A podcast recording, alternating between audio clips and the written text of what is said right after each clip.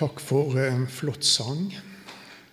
Takk for eh, nyttig åpningsord, og takk for god velkomst. Og vel møtt, har jeg lyst til å si. Jeg skulle si litt om meg sjøl. Det er ikke enkelt, det. Men eh, jeg eh, bor på Osterøy. Ost betyr øst. Øya øst for Bergen. Og ei øy på ca. 7500 mennesker. Jeg reiser i Nordhordland Indremisjon til vanlig, og der begynte jeg i 71. Så det skjønner jeg eldre enn jeg ser ut her. Jeg bor på en plass som heter Gjelvik, og der, nå er det sånn at i det huset er det kun kona mi og jeg igjen nå, men jeg har seks barn. Og seks barnebarn. Nummer seks så jeg på mandag for første gang. Så slekten den vokser. Jeg har altså da vært med i misjon fra 71, og jeg syns det er like spennende hele veien. Du blir aldri rutinert på den måten at du takler liksom et møte. Det er like spennende hver gang. Og så var det veldig flott å bli minnet over det her i starten. Da, at ja, det er jo ikke godt, men vi er jo hjelpeløse. Uten meg kan de ingenting gjøre. Alder, ja. Altså, jeg, Ifølge papirene så er jeg pensjonist. da. Og nå har jeg vært der så lenge at jeg begynner å huske det. Jeg har vært der vel et år. da. Men i starten så jeg kom rett og slett ikke på det, så jeg betalte fullt på T-banen og fullt på ferja. Helt til en spurte meg er ikke du honnør. Ja, nå har jeg begynt å huske jeg er honnør. Det er ikke så enkelt, det der. Og Så reiste jeg på en buss nede i Europa sammen med kona mi, og så så jeg en eldre mann som satt der. og, Så dunker jeg i kona. Jeg burde kanskje reist meg, for han sier 'du er like gammel sjøl', sa hun. Men, men det går litt inn sånn, sånn litt etter hvert. Men jeg fortsetter altså i, i en stilling i Nordhordland Indremisjon, da, fordi at det er litt behov fremdeles. Jeg har en sånn 50% stilling. Og de lurer fælt på hva det betyr, og jeg sier da preker jeg halvparten så lenge.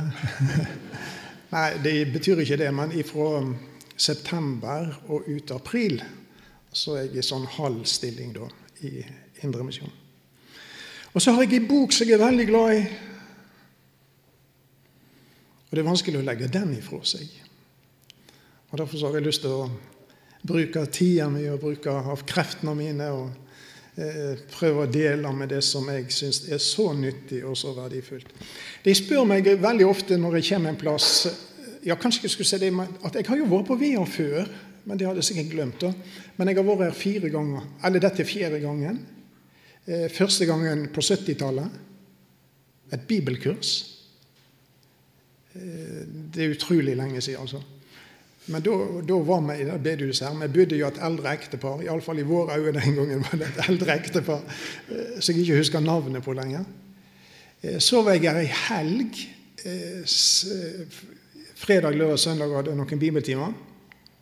Og det lørdagsmøtet det husker en del av dere ennå, tror jeg.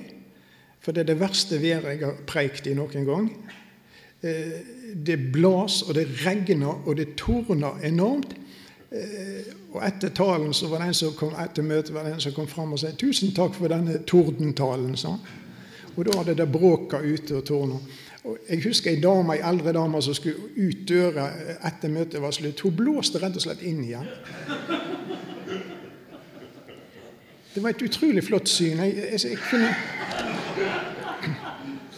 jeg kunne godt tenkt meg at det var mer sånne vinder altså på, på mange plasser. Så blåser eldre koner på bedehuset. Og lyset var vekke på, Åkra. Det var der vi bodde da. Den, nei, ikke da, men det, det møtet da var jeg på Åkra. Og så hadde jeg en søndags formiddag her. Da var jeg på Sævland. Og da hadde jeg søndagsformiddag. Men dette er ikke nøye. Men nå må vi bruke tida, fordi at vi skal dele noe. Temaet blir sannsynligvis av de vi kjenner tida. Det er noen eh, ting som eh, ligger litt på meg å dele ut ifra tida, og det å kjenne tida, så jeg tror det er viktig. Far, takk for det du har minnet oss på i kveld. Og så ber jeg om at ordet ditt og anden din skal virke på oss, og vi merker at Gud er sannelig midt iblant oss. Og jeg ber om tjenestenåde. Amen. Vi går til Romerbrevet 13, og hvis det er Bibler med, så slå gjerne opp. Romerbrevet 13. Jeg har nynorsk bibel 88. Jeg håper det går greit. Og Der står det sånn Og dette må vi gjøre av de vi kjenner tida, at timen er inne da vi lyt våkne og svevn, for frelse er oss nærere nå enn da vi kom til trua. Det lir med natta, det stunder mot dag. La oss derfor legge av de gjerningene som hører mørket til, men ta på oss våpna til lyset. Av de eller da vi kjenner tida. Det fins veldig masse kunnskap og det fins veldig masse kjennskap som har stor verdi. Det kan gi stor vinning å ha denne kunnskapen og tilsvarende tap og mangler den kunnskap eller kjennskap. Og Bibelen har faktisk eksempel på folk som gikk til grunne fordi de mangla en kunnskap. Og den kunnskapen det var den viktigste av alle kunnskaper, for det var kunnskapen om Gud. Mitt folk går til grunne, sier Gud gjennom profeten Hoseas, fordi de mangler kunnskap eller kjennskap til den guden som var deres. Og Det er jo mangel på kunnskap som gjør at det er en vesentlig grunn til at folk går fortapt. Tenk om de hadde hatt kunnskap om det som ligger bak døden. Og Når de mangler den kunnskapen, så blir det et annet liv. Når de ikke har kjennskap til Guds ord, så kan det få enormt tragiske konsekvenser. Kjennskap både til ting og til personer det kan være mer verdt enn gull. Ikke minst med tanke på livet vårt i denne verden, ikke minst med tanke på vandringene våre som kristen. Og de som ikke kjenner verken seg sjøl eller sine fiender eller tida de lever i, de vil få trøbbel. Garantert trøbbel på mange måter som de kunne være spart for ellers. Apostelen Paulus han viser altså i Romerbrevet 13 til en spesiell kunnskap som går på å kjenne tida.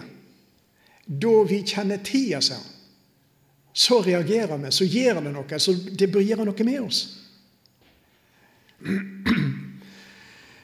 Og eh, Nå sier ikke jeg innledningsvis at dette er det absolutt viktigste du bør kjenne til, for det absolutt viktigste du bør kjenne til Herren. Det absolutt viktigste du bør kjenne til, er hvordan du skal bli frelst. Og hvordan livet ditt kan bli sånn at når du står for Kristi en domstol en dag, så står du ikke i en tom herskersdør. Men det er en som kan gi deg lønn fordi at du levde i denne verden sånn at det var noe som møtte deg igjen der i evigheten. Tid er ikke det viktigste, men jeg påstår det er et nådens privilegium å ha rett syn på den tida vi lever i. Og Nå kunne jeg brukt lang tid på den tida som Paulus levde i. Sant? Ettersom jeg kjenner tida, og dette er jo ca. 2000 år siden. Og så skulle vi finne Den tida var spesiell på mange måter, men samtidig er det trekk i tida som går igjen til alle tider. På en måte er det ingenting nytt under sola. Og det var enorme problem for Paulus den gangen og det var enorme muligheter. Og det er enorme problemer i vår tid, og det er enorme muligheter. Det som jeg syns er interessant om tid og tidsperspektiv og forstå tid og sånne ting, det, mest interessante finner jeg i Bibelen. Jeg eh, snakker av og til til ungdom. Jeg, jeg ble aldri lei av å si den viktigste boka, den mest interessante boka det har, det er Guds ord i Bibelen. Der fins det ikke make. Eh, og Det som vi skal gjøre litt nå, det er at vi skal ta litt bibelhistorie. Bibelsoga kalte vi det når jeg gikk på skolen. Eh, og sagt i en parentes, som jeg ofte sier jeg er så heldig at jeg vokste opp i den tida jeg vokste opp i. At jeg var gutt den tida når vi altså hadde bibelsoga på timeplan. Vi hadde forklaring, vi pugga salmevers. Og faktisk så brukte vi en del av de første timene på skolen enkelte dager til å lese ifra Det nye testamentet. Du skulle jo tro vi, vi, vi skulle havne på, på, en eller annen sånn anstalt, hele gjengen. Men vi tålte det jo. Det gikk jo bra. Vi ble ikke sprø. Men jeg fikk med meg så masse, skjønner du. Og det som vi hadde på, på, gjennom bibelsoger på folkeskolen det, Jeg vet ikke om de har så mye mer på bibelskolene i dag. Det var jo helt enormt at det gikk an.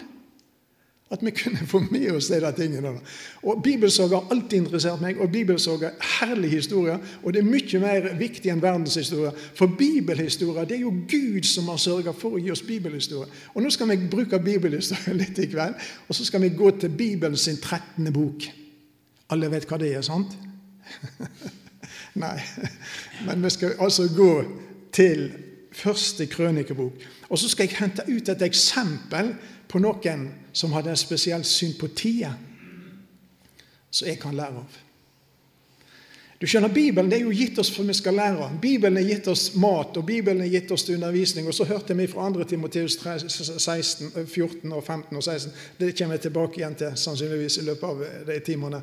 Men det er jo enorme ting som Bibelen kan gi oss.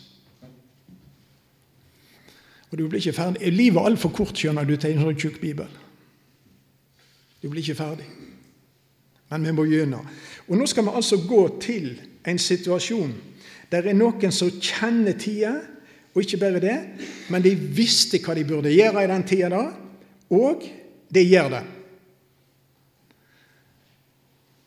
Det starter med forvirring for en del folk, og det slutter i fest. Og Nå skal vi lese fra første krønikebok. Og den er altså like mye inspirert av Gud som Johannes evangeliet. Og Nå skal jeg lese vers 32 først. Og Der står det av Isakar Og Isakar er en stamme i Israel. Dette husker jeg. Det er kjent på disse tingene. Av Isakar borna. Noen bibler står 'mennene', og noen står 'sønnene'. Så hvis jeg knoter litt med det, så er det fordi at jeg bruker litt ulike bibler av og til. Men her står det 'av Isakar borna kom det menn som skjøna seg på tidene'. De forsto seg på tidene. De hadde innsikt i tidene. Så de visste hva Israel hadde å gjøre. Høvedsmennene deres var 200. Og alle etterfrendene, eller høvdingene deres eller, ja, høvdingene deres var 200, og alle etterfrendene, slektningene deres, retta seg etter det de sa.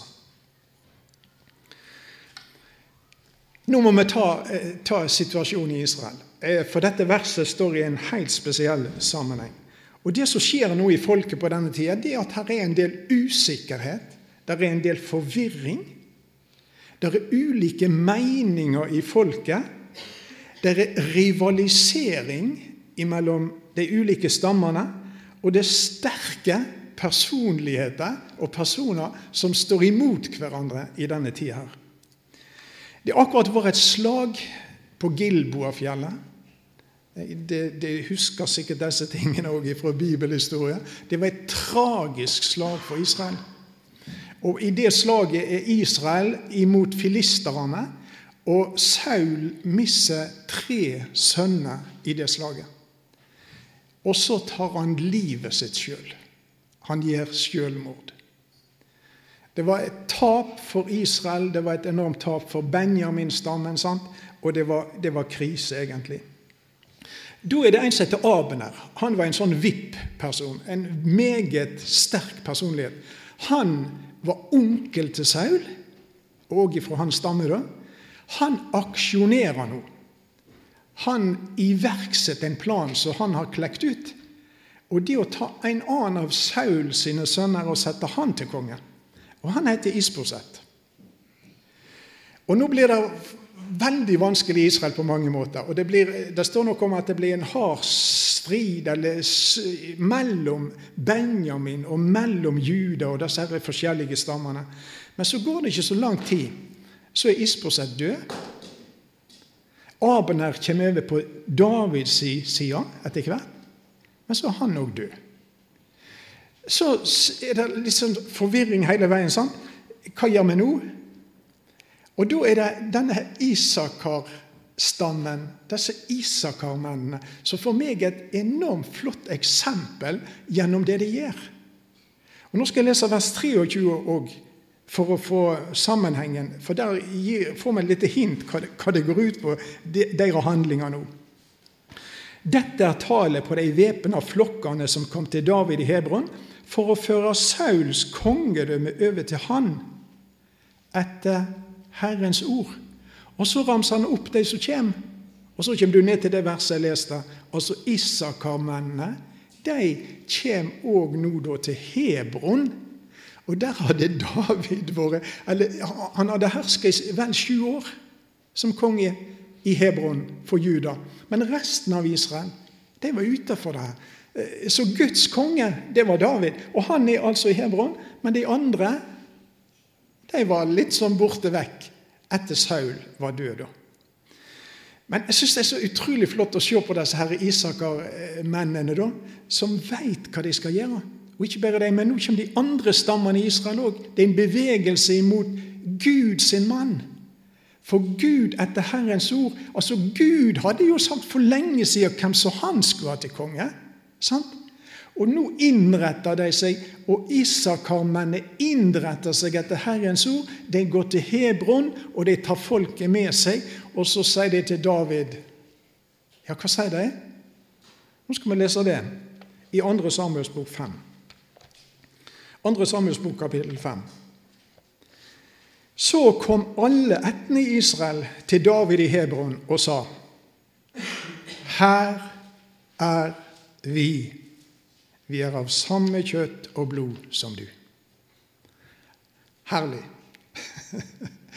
I en vanskelig, forvirra situasjon så skjer det noe, forandringer, og så kommer disse stammene etter hvert til Hebron, og så sier de altså til David her er vi. Hva er det vi synger over til? Jesus, her er vi. Jeg vet ikke om jeg alltid mener det, men, men vi synger det i hvert fall. Send meg. Isakar-mennene forsto seg på tidene. De skjønte hva de burde gjøre, og de gjorde det. Og det er en stor forskjell, skjønner du. Fordi at uh, det er mange ting jeg skjønner jeg bør gjøre, men jeg gjør det jo ikke. Men da sier Isakar, mennene, de skjønte seg på tidene, de skjønte hva de skulle gjøre, og de gjorde det.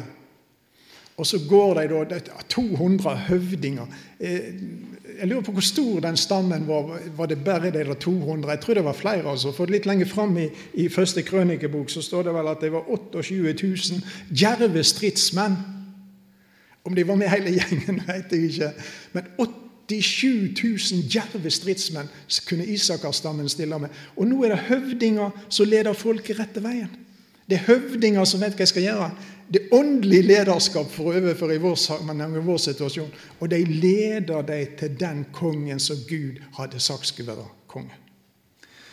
Og Hvordan, start, slutter det her? Nå skal vi lese i, i eh, første kronikabok 12 fra vers 38. Alle disse krigsmennene kom til Hebron i ordna fylking og med ærlig hjerte for å gjøre David til konge ved hele Israel. Så nå er det ikke bare Hebron, og etter, hvert nå så flytter han over til Jerusalem. Og så er det tolv stammer som egentlig sier 'Her er vi, David'. Du er kongen vår. Alle de andre av Israel var òg samde om å gjøre David til konge, og de var der jo David i tre dager og åt og drakk. For landsmennene deres hadde laget stand mat åt dem, og de som bodde nærest helt til Isakar. Og Sebulon og Naftali kom med mat på esel og kameler, muldyr og okser, mjøl, fikenkake, rosinkake og vin og olje og storfe og småfe i mengd, for det var glede i Israel. Hva som har skjedd? Rett mann er på tru nå, og folket er kommet i et rett forhold til kongen som Gud ville skulle være konge. og så ender det i en fest, og det ender med glede i Israel.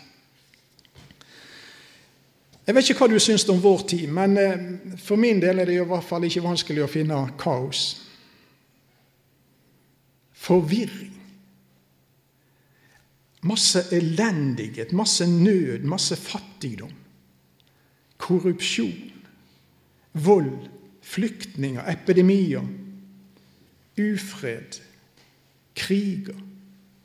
Rykte om krig. Til og med rykte om atomkrig.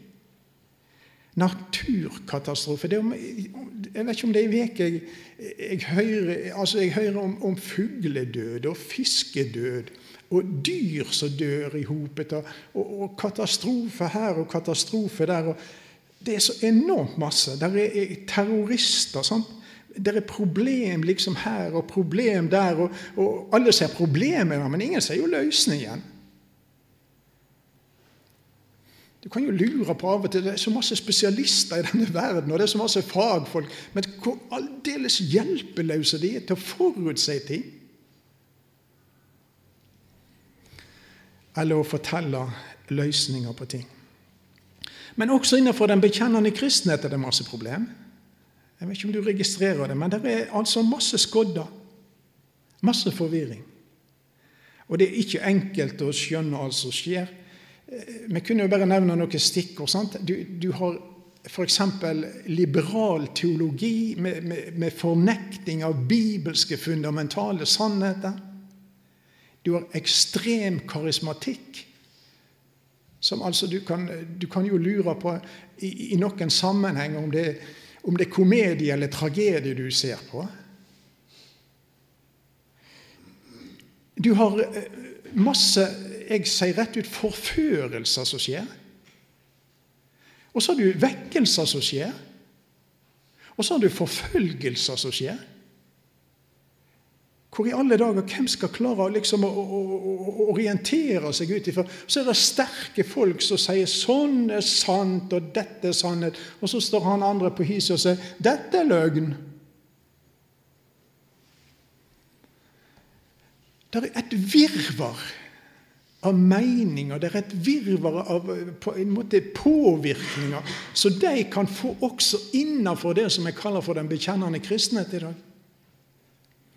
Og Hvis vi prøver å se litt lenger fram, og hvis du leser utover Johannes' åpenbaring, så blir jo ikke det mindre kaos etter hvert. Det ser jo ut for kaoset vil nå klimaks en gang i framtida. Og dette her lever vi midt oppi. Jeg skal komme tilbake igjen til noe av dette seinere hvis det går sånn som jeg nå tenker. Men hva er behovet mitt? Jeg, jeg har iallfall ett behov, og det er, er Fins det noen sånne der Isakar-menn? Fins det noen sånne som kan skjønne disse tidene? Og ikke bare det, men fins det noen som kan fortelle oss hva vi gjør i disse tidene? Hvordan skal vi forholde oss til disse tingene ettersom de kjenner tidene? snakket Paulus om, så gjør sånn og sånn. Et av våre store behov i dag, vet du hva, det er åndelige ledere. Det er noen som kan reise seg opp og si 'Så sier Herren'.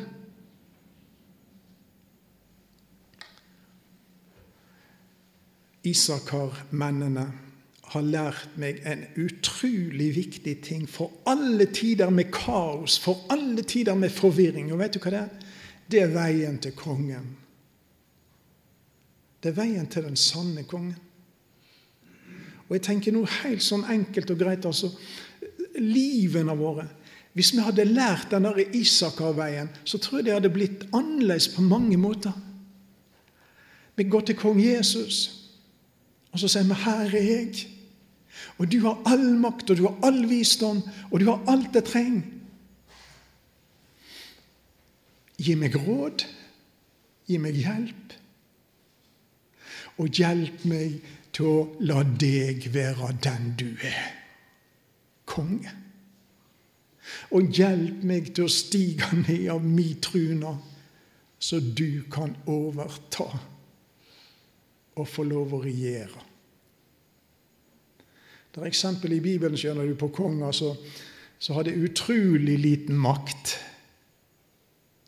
De var bare konger i navnet. Og så er det konger som ble forkasta av sitt eget folk. Og så er det konger som ble myrda. For de vil ikke ha dem. Altså Forholdet til disse kongene kunne være veldig, veldig forskjellig.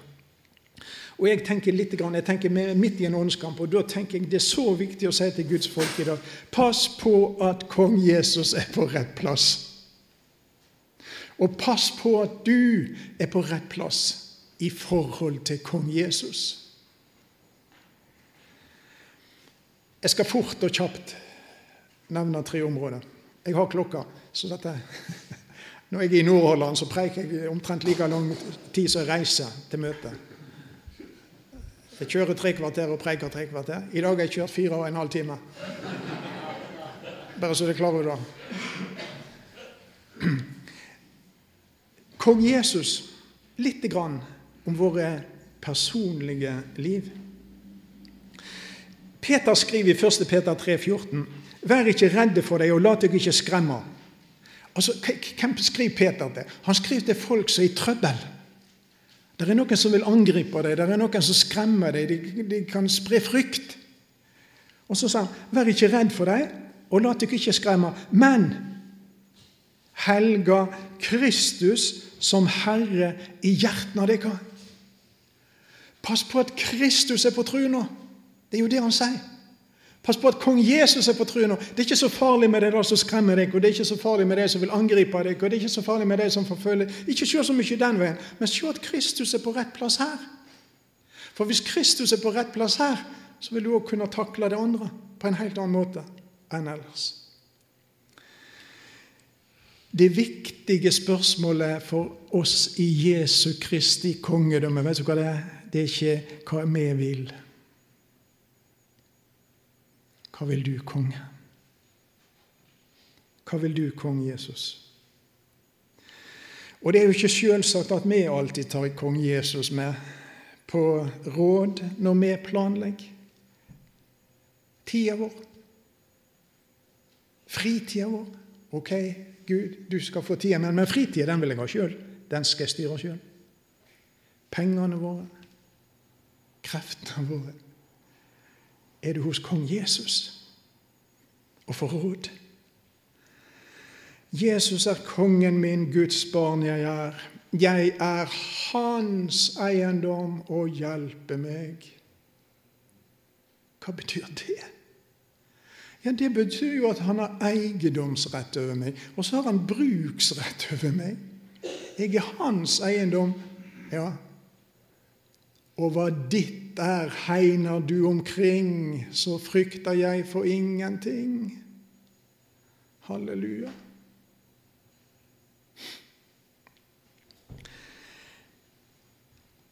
Vet du hva jeg bør? Jeg bør altså være protestant når kong Audun dukker opp på truna og vil overta og vil bestemme. Det går an, til og med for en emissær, å detronisere kong Jesus, og så bestemmer jeg alt sjøl. Jesus sine ord er både alvorlige og aktuelle når han sier hvorfor Hvorfor kaller det meg Herre, Herre, og gjør ikke det jeg sier? Så jeg har veldig enkelt og lyst til å, å, rett og slett spørre deg i kveld hva, Hvor mye makt har egentlig kong Jesus i våre liv? Har vi gått til han og sagt 'Her, her er vi'? Bruk meg, nådefulle frelser, som det her behager deg. Det andre området jeg skal nett touche innom, det er rett og slett familien, eller familielivene våre og så tenker jeg av og til skal tro om bodna våre og badnabodene våre og ektefellene våre og, og slektninger våre og naboer og arbeidskollegaer Skal tro om de ser at vi altså har en annen konge. Skal tro om de skjønner, de som betrakter oss, at ja, de, har, de er Jesus sine. Det er Jesus sitt kongerike, og det er han som bestemmer i livene der. Og forstår vi tidene? Ja, Isak har skjønt det tidene. Forstår vi at familien på spesielt vis er under angrep i dag? Ifra veldig mange hold. Jeg tror vondskapens ånd her i himmelrommet er veldig interessert i å ødelegge den guddommelige skaperordningen som Gud altså ønsker angående våre familier og familieliv. Jeg leste noen satanister for lenge siden som hadde en strategi som de offentliggjorde, nærmest, iallfall fikk vi høre om det. Og det var at Når de skulle angripe de kristne, så var hovedangrepet ødelegg familiene. Ødelegg familiene. Og trykket er veldig sterkt i dag. Både gjennom massemedia, innenfor politiske kretser, ulike grupperinger, til og med fra kirka, er det nå åpna for opprør imot Guds ordninger. Det er ikke noe annet enn opprør imot Guds ordninger, dette som har med likekjønn og ekteskap og de tingene å gjøre. Jeg så to bilder for noen få uker siden. og Det ene bildet eh, det, det er sånn nettside som eh, holder opp litt sånn endetidstegn og sånne ting. Eh, det ene bildet det var en familie som bestod av én mann, to koner og et barn. Eh, han hadde barn med den ene kona, og den andre kona var høygravid. Og Det andre bildet så, det var en familie som bestod av tre mannfolk. Men det som egentlig slo meg litt når jeg leste det, for det var, det var sagt, det var faktisk vitnesbyrd fra de to kona i det første forholdet, at dette her er helt frivillig, og dette har vi valgt sjøl.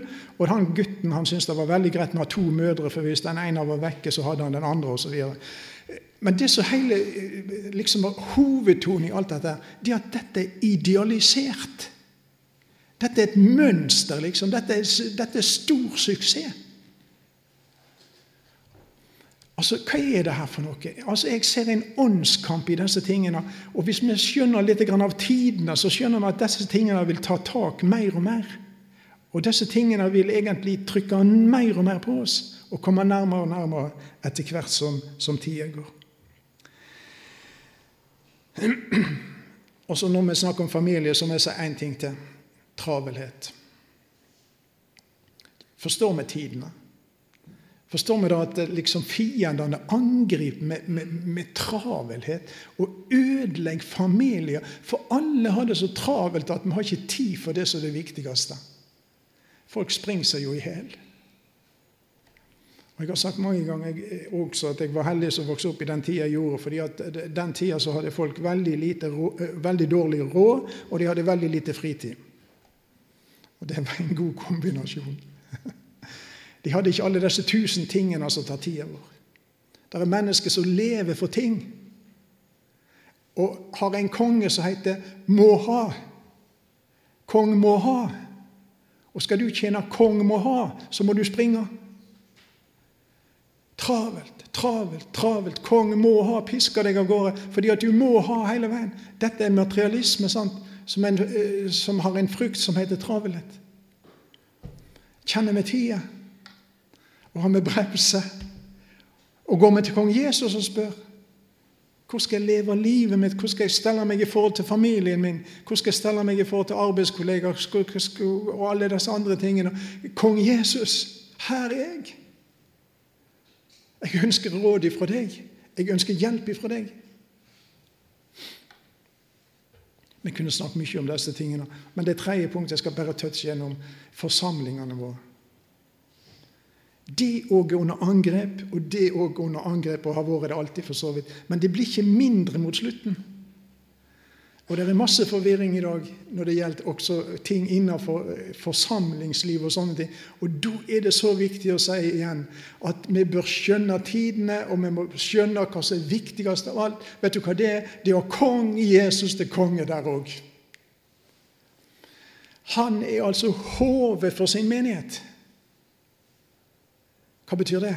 Det betyr at derifra skal impulsene komme, derifra skal ordene komme, derifra skal læra komme. Og så skal vi innrette oss etter det kong Jesus sier, eller det hodet sier.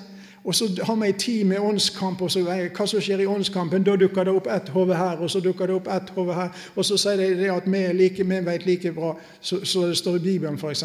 Og vi har mer kunnskap nå, og vi kommer lenger utviklet og alt det samme. Og så får du ett hode, to hode, tre hode, og da har du et troll.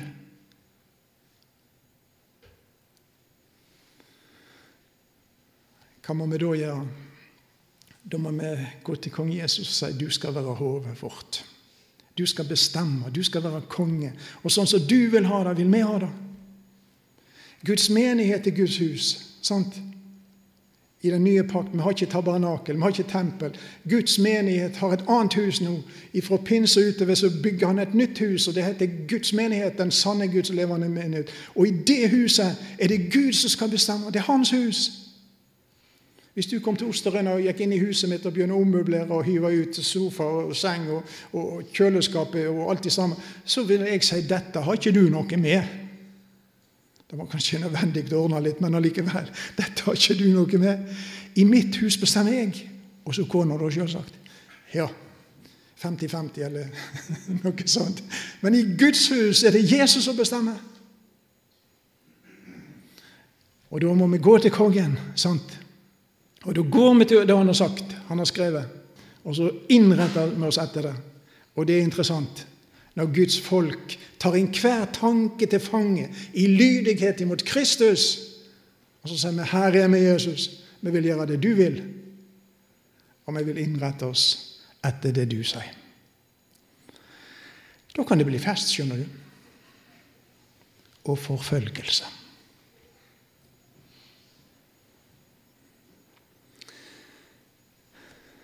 Ja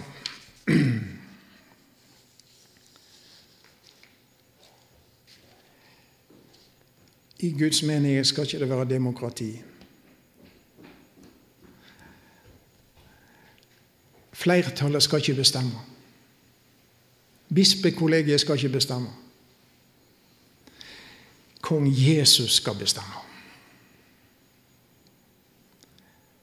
Og blir det demokrati, så har du Laudikea. Det betyr jo demokrati. Og det var supermenigheten, så alt var supert, unntatt det at Jesus ikke var der. Han sto utafor og banka. Av og til lurer jeg på er det der vi har plassert kong Jesus i dag òg. I noen sammenhenger.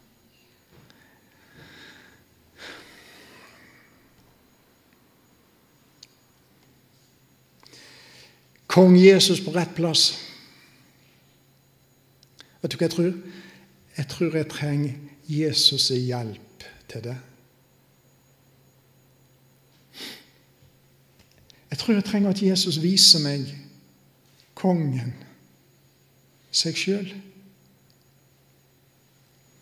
Og det er to glimt av kong Jesus som for meg gir veldig sterkt inntrykk. Og Det ene er når kong Jesus står der med ei tornekrone. Forbannelsens krone. Og Når jeg ser kong Jesus med tornekrone, da sier jeg det fins ingen konge som deg. Og Så leser jeg i Skriften om all den forbannelse som jeg hadde fortjent, som kong Jesus tok. Og så ser jeg litt seinere kong Jesus med to naglegap. Og når du tenker, og når du ser på de naglegapene, så er det jo utrolig vanskelig å si Jesus. Jeg vil være konge sjøl. Da blir det mye lettere å tenke ja, den kongen Det kan jo ikke bli noe vondt hvis den kongen får lov å regjere.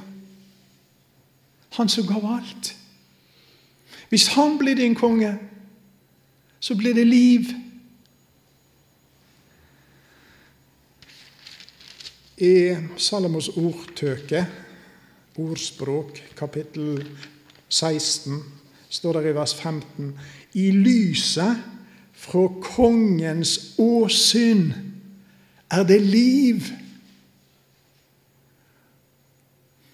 Vi sto utenfor et, et, en butikk en gang eh, ute på Radøy, og så kom der en bil og stoppa attmed oss der. Det var om kvelden. og Det kom ut en eh, som svaia godt, hadde ei flaske i hånda. og 'Hvor skal dere?' sa han. 'Ja, vi skal på bedehuset', sa vi. 'Å ja, er det noe liv?' sa han. Og Så dro de han inn igjen i bilen, og så kjørte de. 'Er det noe liv?' Ja. Nå skal du høre en plass der er liv. I lyset ifra kongens åsyn er det liv, og velviljen hans er som ei sky med seinregn.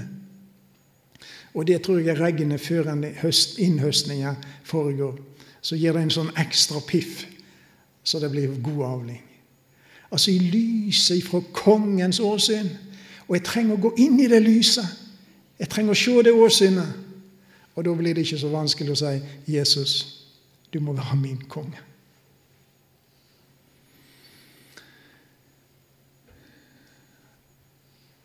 «26. Um, juni i 1958, husker du den? Nei. Da var, da var jeg åtte år. Og da opplevde jeg noe som jeg ikke opplevde så veldig ofte. og Det var foreldrene mine tok meg med til bygden, til Bergen. Og når de gjorde det, så var det en helt spesiell anledning. Dette er en torsdag. Jeg har, jeg har ikke alle detaljene like klart, men jeg har funnet ut det var en torsdag. Vet du hva som skjedde? Kong Olav kom til Bergen på signingsferd. De starta 22. i Trondheim. og Så reiste han nedover kysten, og så kom han til Bergen. Og vi gikk på bussen vet du, og inn til Bergen, og det tok litt lengre tid den gangen i dag. Men vi kom inn der ved innkjørselen til Vågen der, og, og så kom ikke bussen lenger, for det var så mye folk. Og så så jeg ut ruta, og et hav av mennesker. Jeg tror det måtte være mer enn på sykkel-VM i Bergen. Et hav av mennesker. Hvor du så, så så du bare folk. Så var det en utrolig snill bussjåfør han så jo sikkert at jeg ikke så så mye. Vet du hva han gjorde? Han dro meg gjennom taklykka på bussen, opp på taket på bussen. Vet du hva jeg så da? Enda mer folk. Og så så jeg litt borte, 40-50-60 meter borte. Der var det altså en åpning så bilene kunne kjøre. Og Der sto vi og venta og venta og venta. Men så kom det altså først én bil, en svart bil, og så kom det en bil til, en svart bil, og så kom en tre, jeg tror det var fire svarte biler som kom sånn etter hverandre. Og så passerte det. Så gikk vi ned igjen og kjørte hjem igjen. Så du kongen? Har ikke peiling. Han var sikkert i en av de der bilene, men jeg aner ikke. Jeg så han ikke. Men om jeg hadde sett han, så sikkert vært samme gutten som reiste hjem igjen allikevel. Og så kjenner jeg en konge altså, som gir audiens hele veien. Og så har jeg egentlig adgang til, til 66 biler eller bøker her. Og så kan jeg få audiens. Og så kan jeg få gå inn til den kongen. Og så kan jeg se hans åsyn og så kan det gi noe med hjertet mitt som gjør at jeg får lyst å være i hans kongedømme. Og så trenger ikke vi synge du vet, Det er en sang som ikke står i sangboken, han står ikke i salmeboka heller. Men den derre 'Kanskje kommer kongen'. Jeg synger ikke den. Med tanke på den kongen så synger jeg 'Snart så kommer kongen'. Snart så kommer kongen. Og det skal bli utrolig flott å se han som han er. Og det blir ekstra kjekt for de som har fulgt kong Jesus her, å møte kong Jesus der. Og da har Bibelen noe utrolig spennende å fortelle oss om at vi skal være med kong Jesus. Og faktisk regjere sammen med han, vi som har fulgt han her. Det er spennende å leve. Utrolig spennende å leve. Jeg sier det er utrolig spennende å dø òg. Jeg tenker av og til på det. Og det blir utrolig spennende å se kong Jesus. Og hvis vi forstår oss på tidene, sånn som Paulus sier. Da må vi våkne av søvn. Det, dette må de gjøre, av det de kjenner til. Ja, timen er inne, Vi må våkne av søvn for så nærmere nå enn da vi kom til trua. Du har aldri vært så nærmt den fullkomne, endelige frelse som i kveld. På gamleheimen er det ingen som skal dø. Alle skal leve utrolig lenge. Vet du hva vi bør tenke på? Vi bør tenke på at denne dagen er nær, da vi skal se Jesus. Det lir med natta. Ja, det er natt, sier han. Han ser rundt seg. Det er natt. Det lir med natta, og det stunder imot dag. Alltid det beste foran oss. La oss derfor legge av de gjerninger som hører mørket til, men ta på oss våpenet og lyset. Vet du hva det er? Det er helliggjøring, det. Altså, du som snart er der, lev nå her. Som om du snart er der. Forstå tidene. Far i himmelen, vi ber om at du hjelper oss med disse tingene. og Ofte er teoriene så enkle, men praksisen sliter med. Vær så snill, Jesus, og hjelp oss. Og la det brenne i hjertene våre litt mer i tida som kommer. Og la øynene våre være litt klarere i dagene som kommer, på det du har sagt, og på det du vil skal leve i oss. Velsign alle som her i kveld. Vi ber om det i Jesu navn. Amen.